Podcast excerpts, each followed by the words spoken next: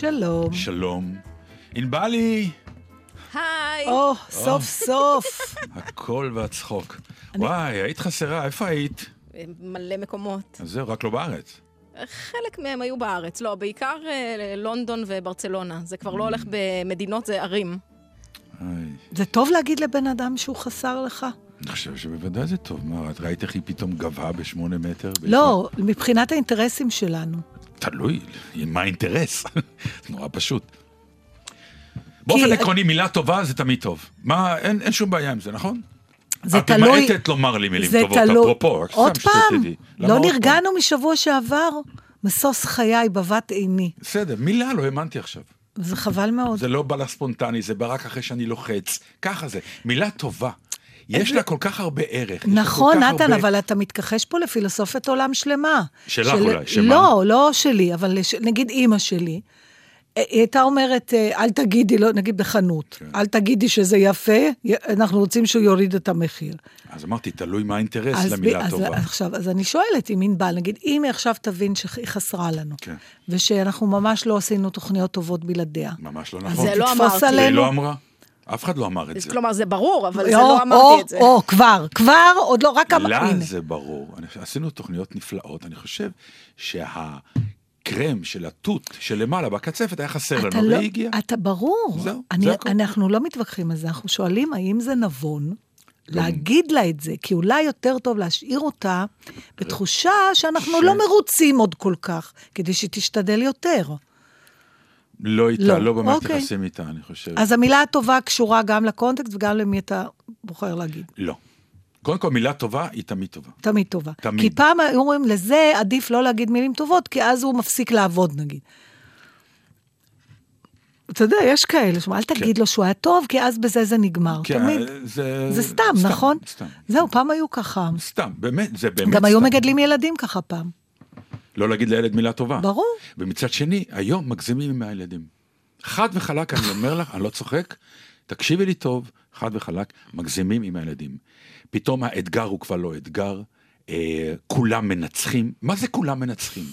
אני רוצה להבין, בשביל מה עושים תחרויות, אם בסופו של יום ההורים כולם מנצחים. סיפרתי לך על התגובה של הבת שלי, שזכתה בפעם העשירית במדליית השתתפות בג'ודו. השתתפות, זהו, מדליית היא השתתפות. הייתה בכיתה ב', נעבך, נו. לא הלך לה, מה אז, אז אין לה מדליה, ואז שהיא היא תבין. צעקה כבר. כן, אמרנו לה, לא נורא, שמו לו ואמרה, אבל לא רוצה את המדליה הזאת יותר של היא ההשתתפות. צודקת, לפחות היא באמת הבינה מה זה נקרא אחרי תחרות. פעם עשירית. היא- אבל היא צודקת. היא צודקת, כל המריחה הזאת שהילדים לא צריכים להתמודד.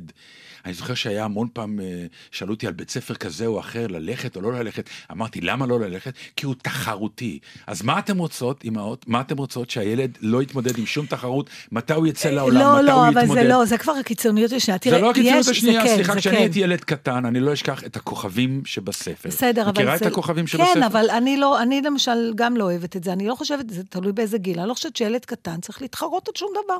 ילד קטן צריך לא. להבין, קודם כל, צריך להבין, זה משהו אחר. צריך להתחרות, לא.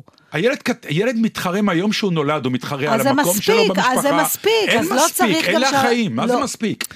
מ- ממתי את מכריעה שזה מספיק? אני מאותו, תראה, על כל דבר אתה מכריע. לא, ש... אבל- אבל רגע, שנייה, כשאתה אומר, לי... כשאתה למשל מחליט שילד בן ארבע לא יכול לצרוך תכנים מסוימים, למה אתה לא מלמד ילדים בני ארבע, אתה מתחלחל... מה זה קשור עכשיו? זה לא זה קשור. קשור, כי לא, לכל לא. דבר יש את הגיל דיברנו- שלו ואת יכולת ההתמודדות. דיברנו, אבל שתהיה התמודדות. את בסדר, אומרת, מסכימה. לא צריך התמודדות? לא, לא אמרתי אז זה שלא. אמרתי שלא צריך התמודדות. צריך התמודדות, בפרופורציות של הגיל אמר- ושל המעמד וכולי, זה נכון, אבל התמודדות חייבת. אני. אז אני רוצה... ויש הורים שלא רוצים אז לתת אני רוצה התמודדות. לחזק, לא, אתה מבדיל, שנייה, נתן, אתה מערבב התמודדות ותחרות. אנחנו, אני, כשאני אמרתי לך שאני לא חושבת שבית ספר יסודי, או בית ספר עד גיל, שבגילאים הרכים, צריך לעודד תחרות.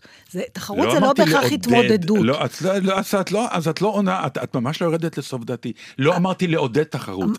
עצם ההשתתפות בתחרות כבר פסולה אצל ההורים, כי מה, למה הכוונה פסולה? עושים תחרות. אבל כדי, ב, ב, כשיש תחרות, מישהו מנצח והשני קצת מאוכזב. האכזבה הזאת העלתה על, על ש- ראשי ההורים את הפאניקה, מה יהיה עם הילד. אז נכון. כדי שלא יתאכזב נורא, אז מ- מ- מרככים אותו, שזה בסדר, שזה נפלא ונהדר גם להיות מקום שני. כשאתה בא ואתה אומר, לא, נפלא ונהדר להיות מקום ראשון, לשם תלך. כן, כי זה אבל לא מעודד. אתה, הבעיה שלך לא זה... מעודד מצוינות, זה מה שאני... הבעיה שלך היא עם הילד שהגיע במקום השני, לא עם הילד שהגיע במקום הראשון. ברור לו. שילד עם הילד במקום מה השני, מה שאתה- לא היה ברור? מה, מה שאני חושבת, אני מסכימה איתך, אנחנו רק לא שמח אומרים את אותו מסכימה. דבר, ואני מסכימה איתך על משהו מסוים. בעצם מה שקרה בשיטה הזאת של הכל, מה, מה שלא תעשה זה טוב, ובלבד שעשית את המקסימום. היא בעצם אה, גוזלת, במרכאות, אבל לא במרכאות, גוזלת מהילד את זכות ההפסד. עכשיו, הפסד זה דבר שאתה צריך לחוות אותו. בצורה הצורבת שלו, המעליבה שלו, אבל הם לא נותנים לזה המאכזבת צ'אנס, שלו, ההורים, זה בדיוק. בדיוק מה שאני אומר. בגלל שהם מפחדים שהילד יתרסק, חס וחלילה, הם מנסים למנוע את זה. אבל תראה, יש ילדים שמההפסד תצמח המוטיבציה הבאה, ויש ילדים שמההפסד הם, הם יכבו. אז אתה צריך כל הזמן להיות נורא רגיש עם הדבר הזה, ולראות מתי כן, מתי לא. אם אתה רואה ילד שכבה, אז התפקיד שלך לעודד אותו, אבל אי אפשר מראש, בגלל שיש סיכוי שילד יכבה או לא יבין מה זה נקרא כאב של הפסד, כן. שיעודד אותך לפעם הבאה להיות יותר טוב, יש דרך עוד ארוכה. ומה שקורה היום, באמת, צובעים את הכל בהכל נכון. בסדר. אבל אתה יודע מה הכי עצוב? שזה לא באמת עוזר. מה שזה גוזל מהילד זה את הזכות לבכות על ההפסד שלו. כי את ההפסד הוא מרגיש. אבל אומרים לו, לא הפסדת, ניצחת כמוהו. אז הוא כאילו לא יכול לבכות על זה, אז הוא נשאר עם החמיצות הזאת, וסליחה שאני משתמשת אני במילה לא- הזאת. כן, אני- כן, את חושבת, נראה לי. כן, כי לא- אתה, לא נראה לי. אתה, אתה מתבאס, אבל אתה מבין שאתה לא יכול להראות את זה, אני כי... כרגע לא עסוק בילד, אני כמה, אני עסוק בילד, אני מתכוון, משהו ב, בהורות הכל כך מכילה ומקבלת ועוטפת את הילד, יל, נו- נוצרים ילדים שכבר באמת, אה, מה שנקרא, אה, הרצון לשאוף קדימה, הרצון להיות במקום ראשון, זה מסוג הדברים שהם לא נחלה, שמה שנקרא מונחלת מגיל קטן. שצריך להתמודד, זה עולם כזה, אנחנו מדברים על וצריך קשיחות. על קשיחות. אני, נכון, אני זוכרת הרבה בסדר. ויכוחים שהיו לי עם... אה, אמרו לי, את נורא קשוחה עם העדות. אמרתי, סליחה, כאילו, צריך. נכון. אז אנחנו בעצם אומרים אותו דבר, רק אנחנו אומרים אותו דבר, אבל- אנחנו נשמעים כמו שאנחנו בריב. זו הגדולה שלנו. כן. ככה אנחנו נשמעים כשאנחנו מסכימים, דרך אגב. הבנתי. תכף נשמע... לא, אני סתם ניסיתי להבין את זה. תגיד, זה לא... אה, אני יכולה להגיד לך משהו משונה? בנושא אחר, כאילו? כן. אה, מה, צריך שיר? ברור. היא הגיעה, היא הגיעה.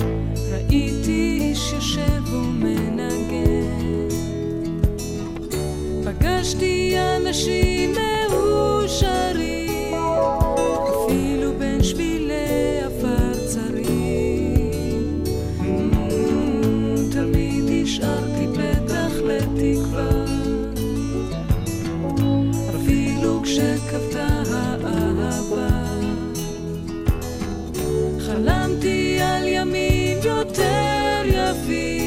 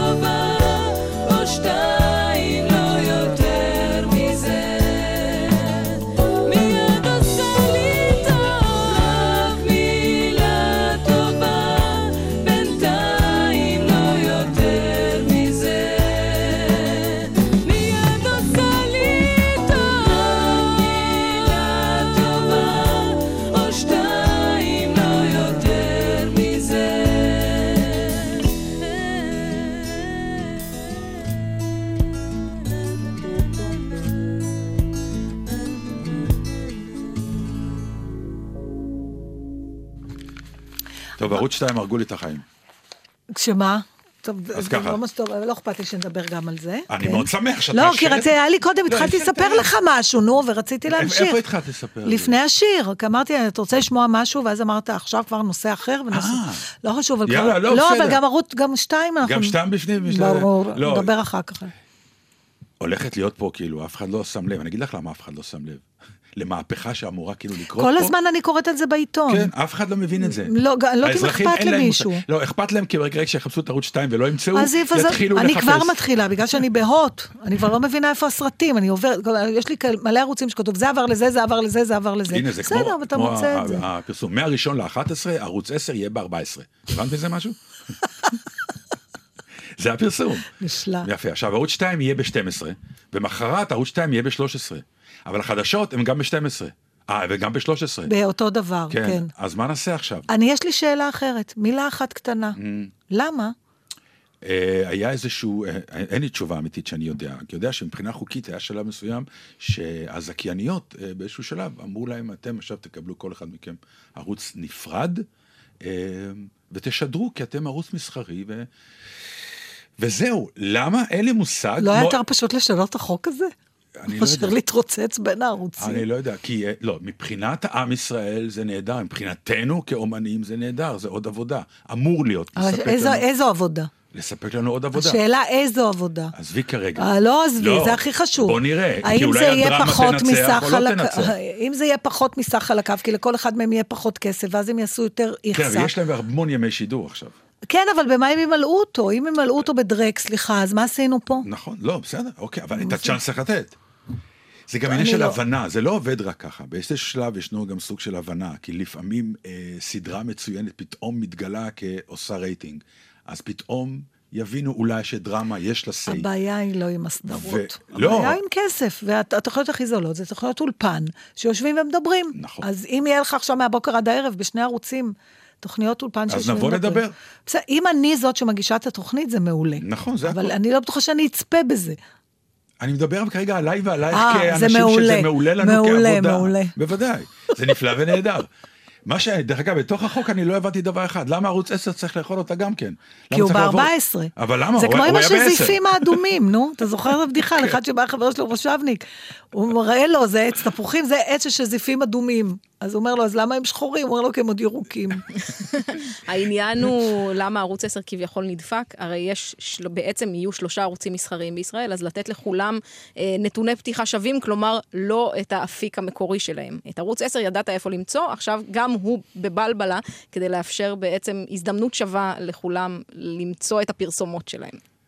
הבנת? כן, אני, האמת שאני הבנתי, לא רק שהבנתי, גם תיארתי לעצמי שזאת תהיה התשובה, ואני מודה שזה זה נורא בעיניי. באמת, זה... א', ב', את רואה את הפאניקה, כלומר, אה, כמות ההכנסה בראש כל יום, אה, שזה הולך להשתנות, ומס...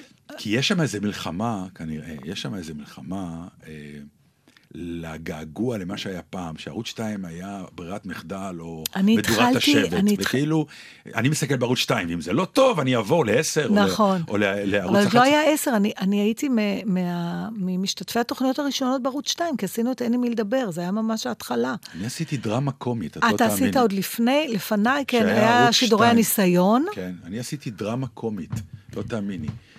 כן, כן. אני זוכרת את ה... לא, אבל זה היה האמינו תחושה... שאני יודע גם להצחיק, דרך אגב. זה מה. אני יכולה לספר לכולם על זה? לא, לא, לא, לא זה העניין, זה נורא מצחיק מה מה זה, שקרה. המשפחה וחצי? לא, משפחה וחצי זה דרמה עם מוסר השכל וכולי. זה היה שטוק שואו קראו לזה בזמנו. כן, אני זה זוכרת. שודר בערוץ 3, ידידי, אני לא יודעת למה אתה חושב לא. שזה היה בשתיים. לא, זה היה בשתיים. אני ממש כמעט משוכנעת לא, שזה אני היה לא מאמינה שאתה מתווכח עם בכבלים. ענבל. ועוד על מה שעשית אתה של אבל זה. היה, אבל זה היה בזמן שערוץ 2 יצא לאוויר, אז כנראה שערוץ 3 רצה לתת קונטרה, או, שיצאו ערוצי זה 3. כן, גם אני- 3 לא היה. בקיצור, זה היה משהו... נתן, אני לא. מאמינה שאתה מעז להתווכח עם ענבל על הקריירה שלך. אתה לא מבין שהיא יודעת הרבה יותר טוב ממך? היי, יש לי עוד איפשהו את קלטות הוידאו עם הפרקים של שטוק שואו. נשבעת בכל היקר לי. אני מציע לכולם להראות, כי הקדמנו את זמננו, אף אחד לא הבין. תכלס, כן, הפרק עם הדה בושס עם ניצני, אחד נכון. הדברים המבריקים שראיתי לא, בחיי. אי אפשר לתאר, מוכרחים להוציא את זה מהארכיון, אני קורא למישהו להוציא את זה מהארכיון, כי יש שם אה, דברים פנטסטיים עם, תעוזה זה היה של... פרודיית נונסנס אחת המבריקות. על, טוקשואים של מנחה חסר כן, ביטחון. כן, אני ו- זוכרת את זה. וכולי, ואנשים באו. גם וקסמן הייתה שם, לא? ווקסמן, כן, כן, ורמה אני מסינגר, נכון, לברכה. נכון. לא, זה היה... אני זוכרת וואי. את זה. אבל היה, זה היה כזה חגיגי, תשמע, זה היה אה, ערוץ 2, כשהוא התחיל, קודם כל היו שלוש זכ, זכייניות. זקיה, זכ, זכ, זכייניות. זכייניות. היה קשת, רשת ותלעד, כן. ששכחו אותה, השם ייקום דמה. עד היום, דרך אגב, הקהל אין לו מושג אין לו מושג. אבל היה, שיש היה כל מיני הולכים. כאלה, והיה גם קצת הבדל ביניהם. זה לא... מי ש- מי שחיפש, כן, כן. אבל אני, ה- השוק הזה פתאום של הפרסומות, אני גם זוכרת שכל סטנדאפיסט שכיבד את עצמו, כן. היה לו אה, נאמבר, על, אה, היה לו קטע על פרסומות, היו צוחקים על הפרסומות. בוא רגע נדבר על פרסומות, אני רוצה לשאול אותך כלום. שאלה. יש איזה גל מטורף של אה, בוא נצחיק בפרסומת וזה יקדם את המוצר. זה לא קצת באיזשהו שלב נהיה עול מטורף בפריים ש... את, את, תוכנית הבידור האמיתית היא הפרסומות, כי בעצם כל שנייה יש איזה משהו. קומיקאי אחר שמנסה למכור לי משהו. אני בכלל תמהה, באמת. אני בטוחה שלפי כל הסקרים שהם עושים כל הזמן, הפרסומות עובדות. עובדות. כן, אחרת הם לא אבל היו עושים את זה. אני לא מצליחה באופן אישי להבין איך, כי אני, לא רק שאני לא רואה פרסומות, גם כשאני יושבת מול פרסומות, Mm. אלא אם כן קורה לי תהליך תת-הכרתי שאני לא מודעת לו, התוכן לא נספג לי אפילו בקרום הכי קרוב של המוח, שלא לדבר על יותר עמוק. זה כלום, זה כאילו אני שומעת, זה מה שאני אז אני שומעת. אגיד לך מה, עובר עליי. כלום, לא קניתי משהו בגלל פרסומת, כשאני לא וסמדר נרשמתי. יושבים, נגיד, ורואים, אז תמיד זה נגמר במבט אחד לשני, ואני אומר לה, הצחיק? לא הצחיק. אה, זה אני אפילו ש- לא שמה לב, תראה את שאמרת, אפילו לא שמתי, איפה מנסים, את לא, בשני. כהן אני יודעת ש... עזבי, איפה? בלי שמות, לא- פשוט כמעט כל הפרסומות הישראליות, יש איזה אומן או קומיקאי או... או או אנימציה שכולה עסוקה בלהביא את הפאנץ', להביא את ההצחקה, להביא את הדחקה. שום אווירת מוצר, שום אה, משהו שהוא קצת ממקום אחר, הכל זה במערכונים, כן. אני מודה... לא יודעת, אני ממש לא... אני מרחמת לפעמים על כל האנשים שכל כך טורחים על הפרסומות, כי אני אומרת, אם כולם כמוני, אבל כנראה שהם יודעים משהו שאנחנו לא יודעים. אז זאת כי השאלה. כנראה זה עובד, אני לא יודע. או שיש מה אי שנקרא אפשר חוסר כבר ביטחון. לבדוק את זה יותר. כי, למה? מה, כי- כי הדרך היחידה לבדוק את זה, זה להפסיק לעשות פרסומות לתקופה, ואז לראות אם יש ירידה במכירות. אבל אף אחד לא יעז לעשות את זה. אז זה מסוג הדברים עכשיו, שזה ימשיך לנצח, כי מי לא, יפסיק את הבעיה, זה? הבעיה היא, את כרגע שואלת על פרסומות כפרסומות נטו. אני שואל, האם התפיסה הזאת שאומרת, במקום לעשות image על המוצר, או לגרות דרך ויזואלי המופלא, לבוא ולהביא מישהו ולהצחיק, חושבת... להצחיק, להצחיק, כן, כי המחשבה היא, אני חושבת, אחרת. כי יש, נגיד, אה, נדמה לי שבארץ יש להם כזה, הפרסומות הזכורות ביותר. אתה שואל אנשים, זה לא בארץ, זה מה או שנקרא... ב- באיפה זה? איפה אני רואה את זה? בארץ זה מפורסם. אה, זה אבל מפורסם, כן. גוף נכון. פר- שאחראי על העניין. בעצם לא שואלים, עושה לפעמים את ה... אז הם לא שואלים את איגוד האנשים, המפרסמים או מישהו, לא יודע. מה קנית? הם שואלים איזה פרסומת אתה זוכר. נכון. עכשיו, ברגע שהפרסומת היא קומית, אתה תזכור אותה, ואז דרך אין זה את השאלה, האם חושבים, גם- האם- האם זוכר את. הפרסומת, האם גם בסוף תגיע, לא מה רוצים, נכון. שתקנה. עכשיו, השאלה הגדולה, האם העובדה שמשהו צח- אה, הוא הומוריסטי לא פוגם ברצינות שאתה חש כלפי המוצר. אבל זה נראה פתאום כאילו שזה בכלל מרוץ של משרדי הפרסום. כלומר, אם אני במשרד פרסום שהפרסומת שלי היא הכי זכורה, אז כשאני בא לקליינט חדש, אני אומר, תשמע, אני עושה פרסומות שזוכרים אותם נפלא. נכון. אז אני המנכ"ל, הייתי שואל אותו, וגם אבל- מוכרים על זה? אז זהו, אז שכאילו, כנראה שכן, לא- תשמעי. מה זה כנראה? זה כמו שלשאול... עובדה, כי זה רק ו... זה רק הולך וגובר. זה באמת רק הולך וגובר. אבל יכול להיות שזה דבר שמזין את עצמו. אולי באמת התקשורת מנותקת מהעם כפי שטוענים. מתי אני אוכל לדבר כבר על מה השיר הבא. שרציתי? אז אני גם מפריע לך כל הזמן. זה כזה יכול להיות running game כזה.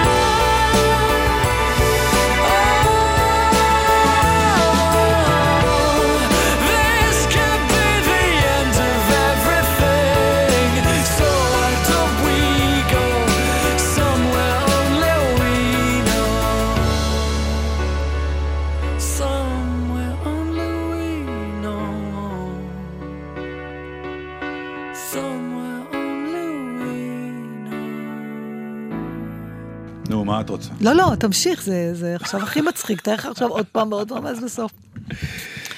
אה, אז תשמעי, נאום ראש הממשלה. בוא נדבר רגע על נאום ראש אבל אני הממשלה. רציתי, אוקיי, בסדר, אנחנו מתקרבים אבל למשהו. כן, כן, אנחנו נגיע לאן. אני רוצה אה, למתוח ביקורת חיובית, כפי שאמר פעם אה, מישהו. זאת אומרת, זה לא באמת ביקורת חיובית, אבל לא הזדעזעתי כל כך מהשפתון הוורוד על השמשה של האוטו בחנייה. אה, איזה- איזה עשיית חדשות מכלום. לא, אבל אה, בסדר, עזוב רגע את הזה. לא, אבל זה מכלום. אני, כן. לא, מ- כן, מישהו כזה, אוי ואבוי, זה נורא. היא התעצבנה וכתבה. אני כל כך מבינה אבל את הסוג ברור. עצבים הזה. נכון. וזה כמעט, יש מעט מאוד דברים שמוליכים אותך לסוג עצבים הזה, ושתופסים לך את החנייה, אני נורא מצטערת, צריך לאפשר חוק שבמקרים כאלה אדם יכול לנקום כאוות נפשו. אין שום דבר שאסור ואין שום דבר שהוא לא. אני הגעתי פעם למצב כל כך כעוס, ולדעתי סיפרתי את זה פה, שהזמנתי לעצמי דוח. בשנייה האחרונה זה נבלם, כי מרוב עצבים שחסמו לי את החנייה, קלטתי שזה האוטו שלי רק כשהיא שאלה אותי את המספר ב, ב, במוקד שהתקשרתי, שחוסמים לי וזה. והיא שאלה את המספר והתחלתי להגיד את המספר, ומזל שאני זוכרת את המספר שלי בעל פה, כי תוך כדי אני אומרת לה, רק רגע בבקשה, ואני קולטת שזה האוטו שלי, ואני אותך. הולכת לדפוק לעצמי דוח. כן. זה, ב- יש... תשמעי, אני פעם הלכתי להופיע באמצע היום בכנסת, יש שם בעיית חניה. כן, זה כן. אה, מפוצץ, זה- כלומר, באמת, זה לא שיש איזה... והיא והיא במקרה עמדה... כנראה כבר אלף פעם כבר חסמו לה, כן. והיא ביקשה, והיא כתבה, והיא... כן, אני, האמת ש... אפשר לגמרי להבין, אני ממש מבקשת, לא צריך לכעוס עליה. לא, ו- אני- וגם התגובה שלה הייתה סבבה, הם שתיהן יצאו מזה גדולות, באמת. כן, מסכים איתך לגמרי, אבל אה, אי אפשר לתאר את ה... כן. אפשר לתאר את העניין הזה שלפעמים כשאין חדשות, אז יש חדשות, והיש חדשות האלה הם, הם, הם, הם אין חדשות מוחלט. ו, והפימפום הזה עם ה, הצילום, זה, זה כמו אירוע, אירוע חבלני כמעט, זה נראה. נכון? כן, לא, כאילו- כי הטון הוא אותו דבר, לא משנה מה, מה מכניסי. איזה עוד דברים מעצבנים ככה? שמה של... שאתה, שחייבים לעשות משהו דרסטי, חייבים לנקום. אי אפשר פה... מי שעוקף אותך בתור, זה הורג אותי. זה הורג אותי, והתחלתי, אני, אני מודה, אני עושה את זה עכשיו, בעיקר, אתה עוקף בתור? כן, בעיקר כן. בפקקים של מה שנקרא, אם יש איזושהי כניסה צרה לפנייה ימינה. אז כולם עומדים ומחכים לפנות ימינה, ואז מגיע מישהו משמאל, נכון, ומתחיל והוא מגיע פה, והוא מגיע, והוא והוא מגיע עובר לקצה לפניך. השנייה, ולפני הפנייה הוא דוחף את האף פנימה, והוא באמת משיג את זה. נכון. ואתה עומד מאחורה ואומר, אז מה, אז אני האזרח הטוב, עומד בזה, והוא נכנס והשיג את זה, והוא עכשיו רץ קדימה. אז תראה, אנחנו מתארים, עוד פעם, זה הכוס, ויש משהו בני- באוטו, ש... אוטו הוא הטנק האישי שלך. אה, זה העניין? בטח, בטח, אתה וואי, אני מפציץ. כל כך לא מחוברת לאמירה הזאת. ברור, זה הטנק האישי שלך, זה הבית השני שלך, זה ה... אבל למה, למה האסוציאציה המלחמתית הזאת? מכיוון שהכביש הוא שדה קרב. אבל זה לא צריך להיות ככה. זה לא צריך, זה אבל זה... בארץ מה ככה, שזה זה לא- בעוד מקומות. זה בהרבה מקומות. זה נהיה שדה קרב מכיוון שזה תפיסת החלל. אני קודם, אבל אני יש בה ראשון. חוקים מאוד ברורים, זה לא. מלחמה, שאתה אומר, מלחמה אין חוקים. אז יפה. פה יש חוקים. אז יש גם מה לעבור. אם אין חוקים, אז אתה, איך אומרים? אתה לא יכול לכעוס על מישהו אם, אם הוא עבר בלי שאין חוק, שאסור לעבור. והוא שובר את החוק, והוא שובר אותך, ואתה מנסה לשמור על החוק, ורע וטוב לו, צדיק, ורע לו. זה אשכרה אחד לאחד. ואתה מת, אתה מת, אתה אומר, עכשיו זה הרגע שאם היה... אני, אני תמיד חלמתי שיש ביטוח למכוניות, שמותר לך להיכנס בעצבים במישהו והביטוח ישלם. לא, זה מה שאני כן. אומרת, צריך בכלל... אני רוצה להיכנס במישהו עם האוטו, חזק. ושיהיה מותר לך. והוא יקום, יגיד, אני אגיד לו, נכון, נכון. בסדר, הביטוח ישלם, אבל תאכל את החרא הזה, סליחה על הביטוי, שעכשיו יש לך אותו דפוק. כי דפקת אותי בה, ואני צודק. זה ברור לי שאני צודק, אבל עכשיו לך תבוא לבית משפט ותוכיח שאתה צודק. אתה יודע שכשחוסמים אותי, מה זה חוסמים אותי? יש לי חנייה. עכשיו, זה חנייה של תל אביב, שבעמל רב גרדנו אותה מה, מהעירייה, ואין לה סנטימטר מיותר, ויש ציור מאוד יפה על הכביש שמגדיר את גבולות החנייה הזאת. נכון שהוא נראה לעין טיפה יותר גדול מהרווח בפועל, אבל זה בגלל שצריך לקחת את הסיבוב בשביל להיכנס אליה. אז אם מישהו עומד על הציור, אז אני לא יכולה להיכנס לחניה ואני לא יכולה לצאת מהחניה, אבל אנשים, בצר להם גם, אומרים, לא נורא, אז גנבתי לו עשרה סנטימטר מה זה. אני בעשרה סנטימטר האלה, אין לי איפה להיכנס. בכלל, כל הקוד ההתנהגותי ו- שבא ואומר, אני לא הולך אני לפי לא השירות יכולה- הרגיל, מטריף אותי. כן, אבל אני לא יכולה, דרך אגב, פעם מישהו חנה לי בתוך החניה. עזבי כבר את החניות, לא, לא, רגע, רגע, אני רוצה נו. רגע להגיד לך. ואני רציתי אה, לעשות מעשה, רציתי להוציא לו את האוויר, לנקב לו את ה... כי לא הסתפקתי בדוח, סליחה, מה עוזר לי דוח? איפה הנקמה? אז אמרו לי שאסור, שהוא אז הוא יכול לתבוע אותי. ברור, זה כמו לתת למישהו סטירה, למרות שאת צודקת, אבל עכשיו הוא יכול לתבוע אותך על אלימות. נקודה. זה חלק מהעניין הזה. אתה מת לתת למישהו יריקה בפנים, כי הוא באמת עשה לך את הדבר הכי נורא. פעם רועי הורוביץ סיפר לי סיפור נהדר, שמה? שאבא שלו, שהיה ניצול שואה, אה, למד אחר כך בשוויץ או שוודיה, אני לא בדיוק זוכרת, ו... אה, והוא שכר בית באיזה מקום, והוא שמע יום אחד בעלת הבית אומרת לשכנה אחרת, אה, היהודים האלה, כמה רעש הם עושים, כי היו באים אליו ללמוד. אה, ואמרה את זה כנראה יותר בבוטות, אני לא זוכרת בדיוק את הפרטים, והוא מרוב זה הכניס לה סטירה. ואז היא הלכה להתלונן עליו במשטרה. וקראו לו לבירור, והוא אמר, אה, כן, נכון, נתתי לה סטירה, אבל היא אמרה קודם, אה, יהודים מלוכלכים או משהו כזה. עכשיו, הייתה רגישות מאוד גדולה אחרי המלחמה, ואז לא יכלו לתת לו בדיוק אה, מאסר, אבל אמרו לו, טוב, אז קנס, יש אה, תעריף לסטירות. הוא נתן לה שתי סטירות מאלה, אמרו לו חמישה פרנק לסטירה. ואז הוא הלך לשלם את זה, ואז אה, הפקיד שם, אה, שלקח את הכסף, אמר, רגע, נתת לי פה בטעות אה, שלושה שטרות של חמישה פרנק. קח חמישה חזרה, אז הוא אמר לו, חכה רגע. הלך, הוריד לו עוד סטירה במשטרה. הוא אמר. קח את הכסף.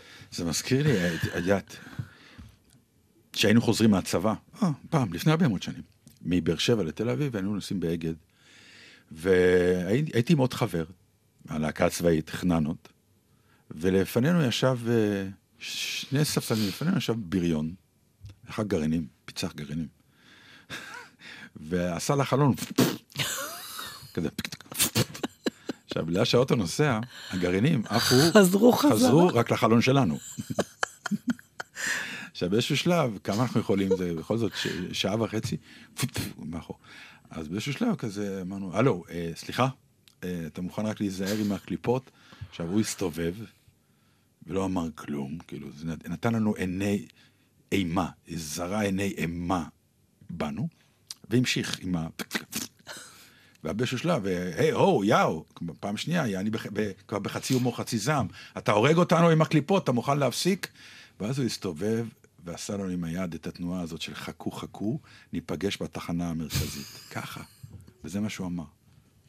עכשיו, אנחנו שנינו אז מה, עכשיו, מה יהיה? מה יהיה? אז כשנעצר בתחנה המרכזית, אמרנו, בואו בוא, בוא ניתן לו לרדת.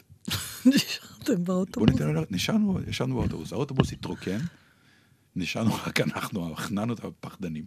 ואז ירדנו, בהתחילו הולכים, האמנו שהוא כבר איננו. איך שאנחנו יורדים, אני חוטף אה, סנוקרת באף. עם הנוגרה. עם המשקפיים, כזאת. נוגרה כזאת, בום, עם המצח מההוא. אני לא רואה כלום, אני נופל על הרצפה, ואז מעצבים אני קם, ויחד עם החבר שלי מנסים לתת לו מכות, והוא גומר אותנו. הוא עצבני ואנחנו חננות. ומה הסביבה? מסתכלת? וצועקת עלינו. לא יפה, שניים על אחד? עכשיו, לך תספר להם מה זה קרה, אבל עשיתם... ולמה זה קרה. למה לא ירדתם ראשונים? אתה לא שמעת על לברוח, נתן? אתה, שאימא שלך מהונגריה ואבא שלך מפולין? מה לימדו אותך בבית? פה. קודם כל בורחים. וואה, לא לימדו אותי תחרות יותר מדי. אם. היו מלמדים אותי להגיע מקום ראשון בתחרות, לא. ולא לחכות, לחכות, לחכות. לא שאולי- לימדו אותך את מה שפעם דני סנדרסון אמר, שראיינו כל מיני אנשים, מה העצה הכי טובה שאתה נותן לילד שלך. אז הוא אמר, העצה הכי טובה שאני נותן לילדים שלי, זה שאם הם הולכים עם חבר ביער ורודף אחריהם דוב, אז שהם ירוצו יותר מהר מהחבר שלהם.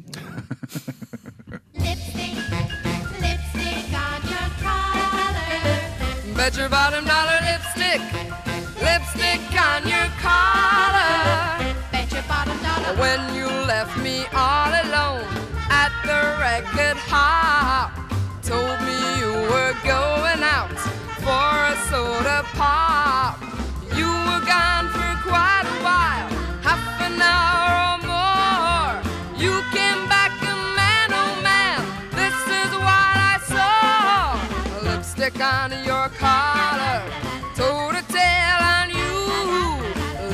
on your collar,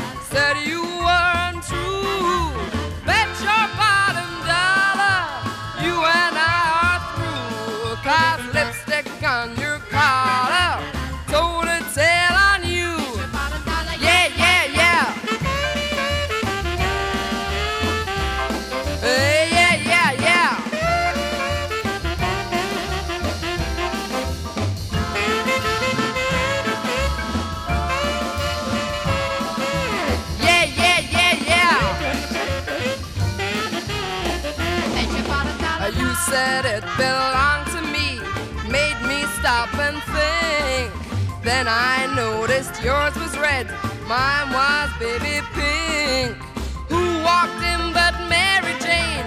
Lipstick all a mess. Were you smooching my best friend? Guess the answer's yes. A lipstick on your collar, toe to tail on you. Lipstick on your collar, said you weren't true.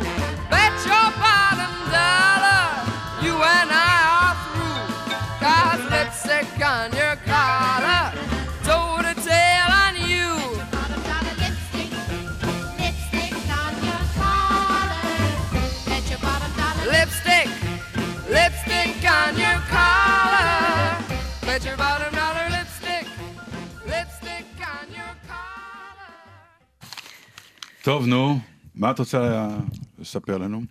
דרך אגב, שקרה- רציתי להגיד לך, נו, נו, מה? נמכר אה, אה, שני פתקים שכתב אלברט איינשטיין ב-1922, ראית את זה? כן. אה, יפה. זה נורא יפה. אה, בעצם הוא שירבט על אה, שני, אוקיי, הסיפור היה כזה, הוא היה ביפן, ונער המזוודות, אה, לא היה, לאיינשטיין לא היה כסף לתת לו טיפ, אז הוא כתב שני אה, פתקים עם מין אה, עצות לחיים כאלה או משהו כזה, אה, ונתן לו את זה, ואמר לו שפעם זה יהיה שווה יותר מהטיפ הזה. ובעצם אה, זה תיאוריה לאושר, אוקיי? אני אצטט. באחד הוא כתב, אה, הוא כתב אה, בגרמנית, שזה כבר שאלה כמה הנער היפני יכל להעריך את זה, אבל הוא כתב, חיים צנועים ופשוטים יגרמו ליותר שמחה מאשר המרדף אחרי הצלחה וחוסר המנוח המתמשך המלווה לכך. ובשני הוא כתב, אם יש רצון, יש דרך. הדבר הזה נמכר השבוע במיליון וחצי דולר. וקודם כל, זה קצת מצחיק שתיאוריה על עושר שמטיפה להסתפקות במועט נמכרת במיליון וחצי דולר, או שרק אני שמתי לב לזה. כאילו, כן, אתה מצפה שמי. שירצה, מי שמאמין בדרך הזאת, הדבר האחרון שהוא ירצה זה להוציא מיליון לא, וחצי. כל אחד חייב להאמין כן, אז למה? בדרך הזאת. כן. כל כן. הגורואים בהודו אומרים הכל, תחיו פשוט, תחיו פשוט. והם. עשירים גדולים. מה זה הם עשירים גדולים? אפשר לתאר. עכשיו, היה עם הרבנית הזאת, אני מודה שאני לא ממש מחבב שם את כל התופעה הזאת, שיש איזה אחת, אני לא יודע אם היא רבנית באמת, כמו שקוראים לה רבנית, איזה אחת שחזרה בתשובה. עם ההפרשות חלב? עם הפרשות כן, חלב. כן, ראיתי על זה משהו. וכל- אז אה, באיזשהו שלב היא באמת חיה באיזה בית מאוד, אה, מה שנקרא, בלארג'.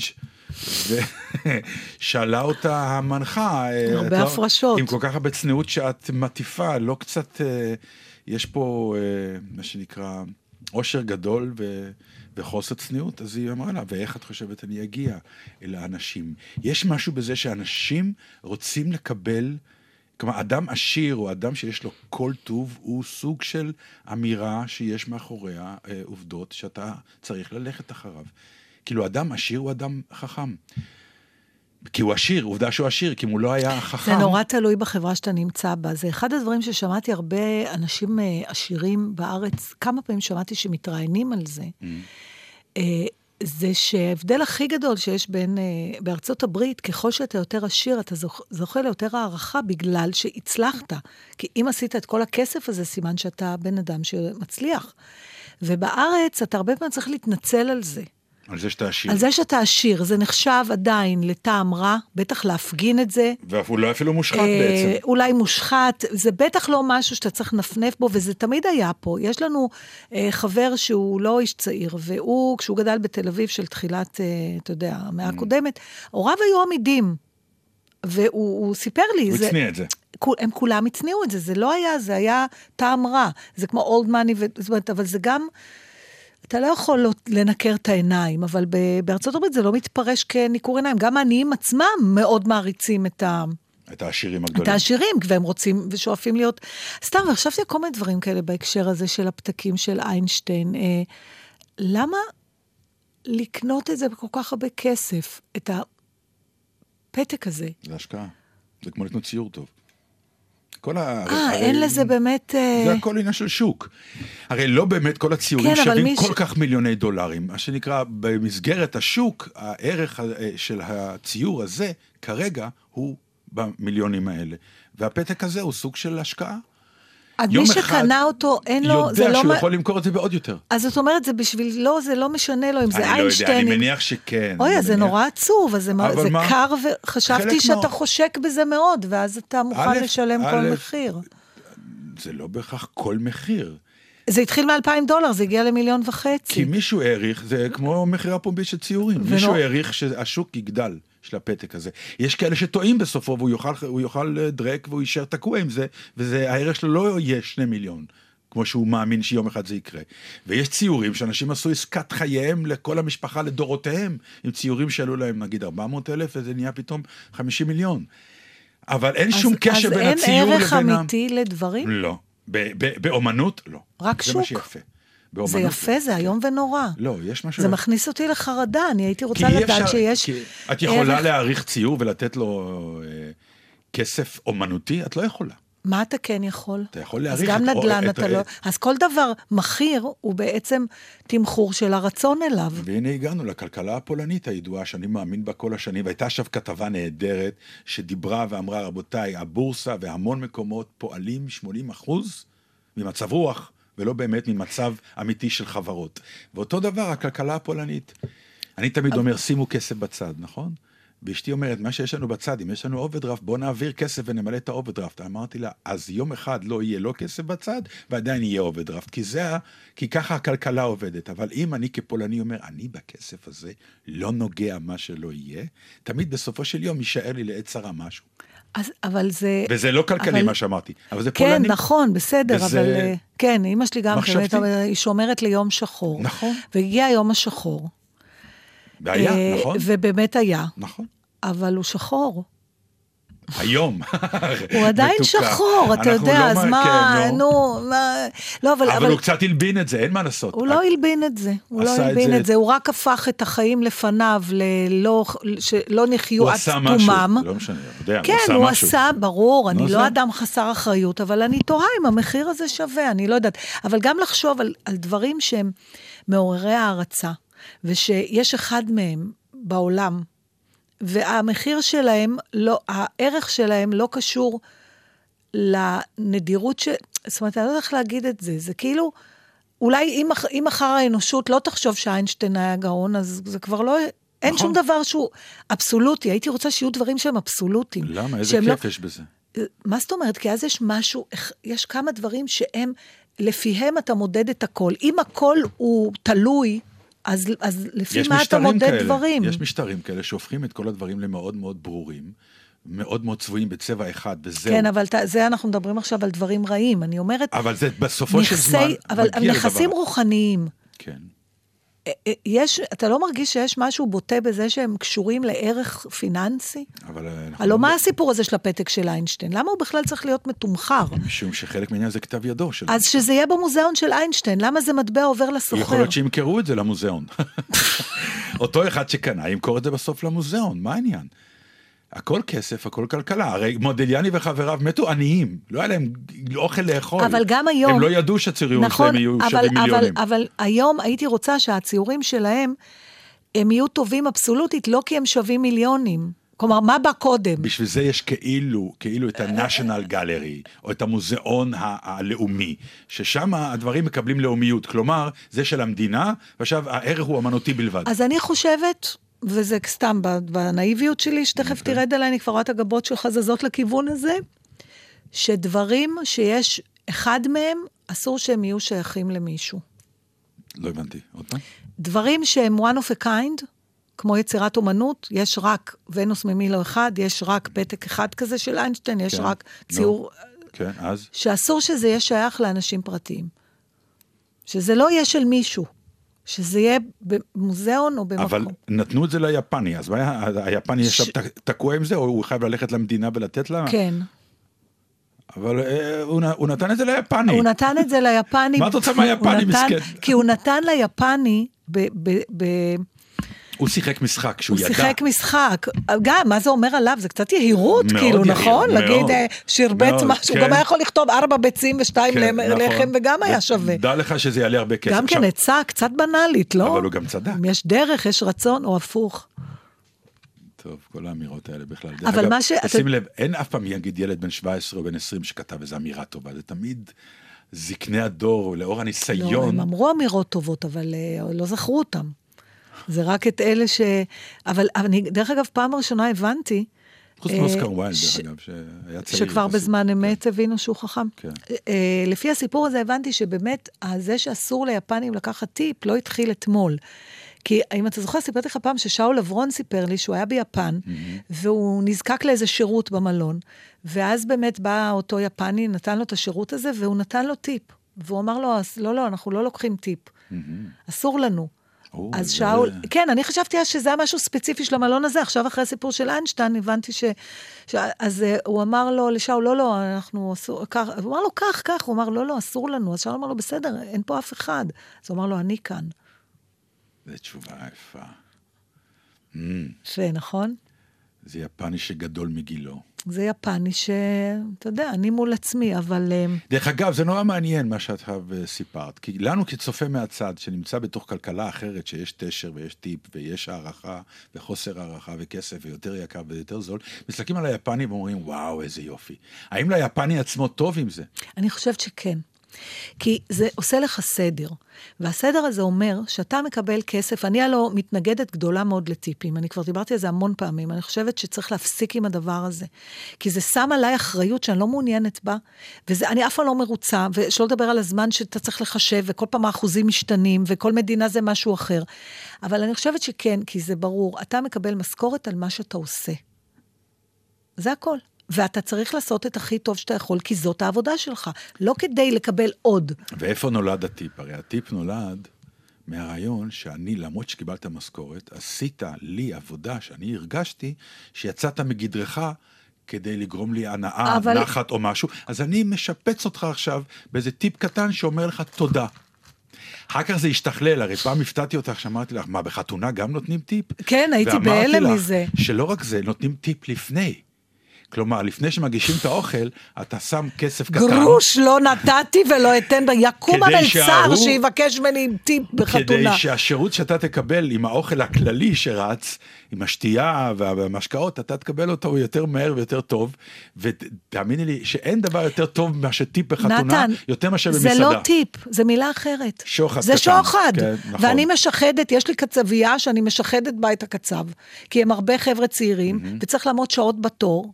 אז הם כבר יודעים שכשהם גומרים לשתת, אני נותנת להם 20 שקלים. אז את- עכשיו כבר אני לא עומדת הרבה בתור.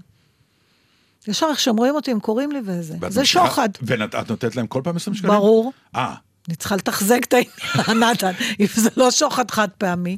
הבנתי. מכאן נצא בקריאה, חסל סדר טיפים, חבר'ה, כל אחד מרוויח את מה הלוואי שהוא אמן, מרוויח. תשלמו למלצרים הרבה. לא רק מלצרים, תנו בהכל. להם להכל, די עם הטיפים האלה, זה כל כך מלחיץ אותי. ומצד שני, אם היית עושה את העבודה שהם עושים, המלצרים, אני עשיתי, והסבלים עשיתי, והכל, עשיתי. בעצם הכסף הגדול היה טיפים, לא? כן, נכון, אבל אז גם היו פעמים שטרחתי על שולחנות ולא קיבלתי כסף חזרה. זה קורה גם. זה- אני לא רוצה שזה יקרה, אני עובדת. מה, אתה כשחקן, תאר לך, אתה משתחווה בקהל, יבוא איתך עשרה שקלים. אני מוכרח להגיד לך, סליחה, באמת, משחק אז אני רוצה נהדר. להגיד לך, שיש תמונות של זוהר ארגוב ורקדניות בטן וכל מיני זמרים זה- זה חלק שעומדים- מתרבות, בסדר. אה, פתאום זה חלק מתרבות? אז טיפ כן. זה חלק מ- לא, מ- לא, אז זה מתרבות גם זה אפשר להפסיק. זה אשכרה נותנים מה שנקרא עם רוק, אה, אבל, זה, אבל, אבל זה הופעות שהם. גם כשהם קנו כרטיס להופעה, הם עשו את זה, או. שזה היה בתוך שמחה כזאת שהם היו עורכים? אני לא יודע. אתה יודע, כי לפעמים אתה, אם אתה משלם כרטיס למשהו, גמרנו. אבל זה לא העניין, זה כמו שאת אומרת, את לא שילמת כרטיס לחתונה, נכון? נכון. מה העניין? הבן אדם קיבל כסף על זה שהוא מלצר לש- בחתונה. נכון. הזמר או הרקדנית בטן קיבלו כסף על זה שהם לא נכון. באו לו שבהתנדבות ואמרו להם, מה שידביקו עליכם זה שלכם. קודם כל, יכול להיות שכן. אז כל זמר וכל רקדנית בטן הביאו גם ילד קטן שאוסף את הכסף מהרצפה. פתאום זה מוצא חן בעיניי באיזשהו אופן שאני אשתחווה וידביקו לי, אתה רואה את המנויים של הקאמרי מדביקים לי שטרות על המצח? טוב, עליי פעם זרקו כסף עד שאני הבנתי שבעצם זורקים עליי כסף, זה היה שטרן. בעיקר מטבעות, כדי שאני ארד מהבמה, כי הייתי איום ונורא, כן? וזה כאב לי, אמרתי, מה, הם כל כך אוהבים אותי? לא, הם לא אוהבים אותך, אמרו לי. תקשיב, תעוף כבר אני- מהבמה, ואם אתה לא מבין את זה, אז עוד עשרה גרוש בין העיניים שלך. ככה זה היה. אני אומרת שכל מהפכה גדולה מתחילה מדוגמה אישית. אני בפעם הבאה שאני באה. לראות אותך משחק, כן, שככה יהיה לי טוב, תזרקי עשר אני. באה לשורה הראשונה, מלכלכת את היד עם רוק, ומדביקה על איזה איבר שאני אגיע, אני לא יודעת לאן אני אני ארד אגיע. עלייך כדי שהמצח. יקבל את זה. יאללה, סגרנו. סגרנו. אודה הקורא נתן דטנר בלגזית. יאיר בסט וניב בן אלי. יניב בסט. יאיר. יאיר בסט. וניב בן אלי. ניב בן אלי. היי. ביי. שבת שלום. Thank you for hearing.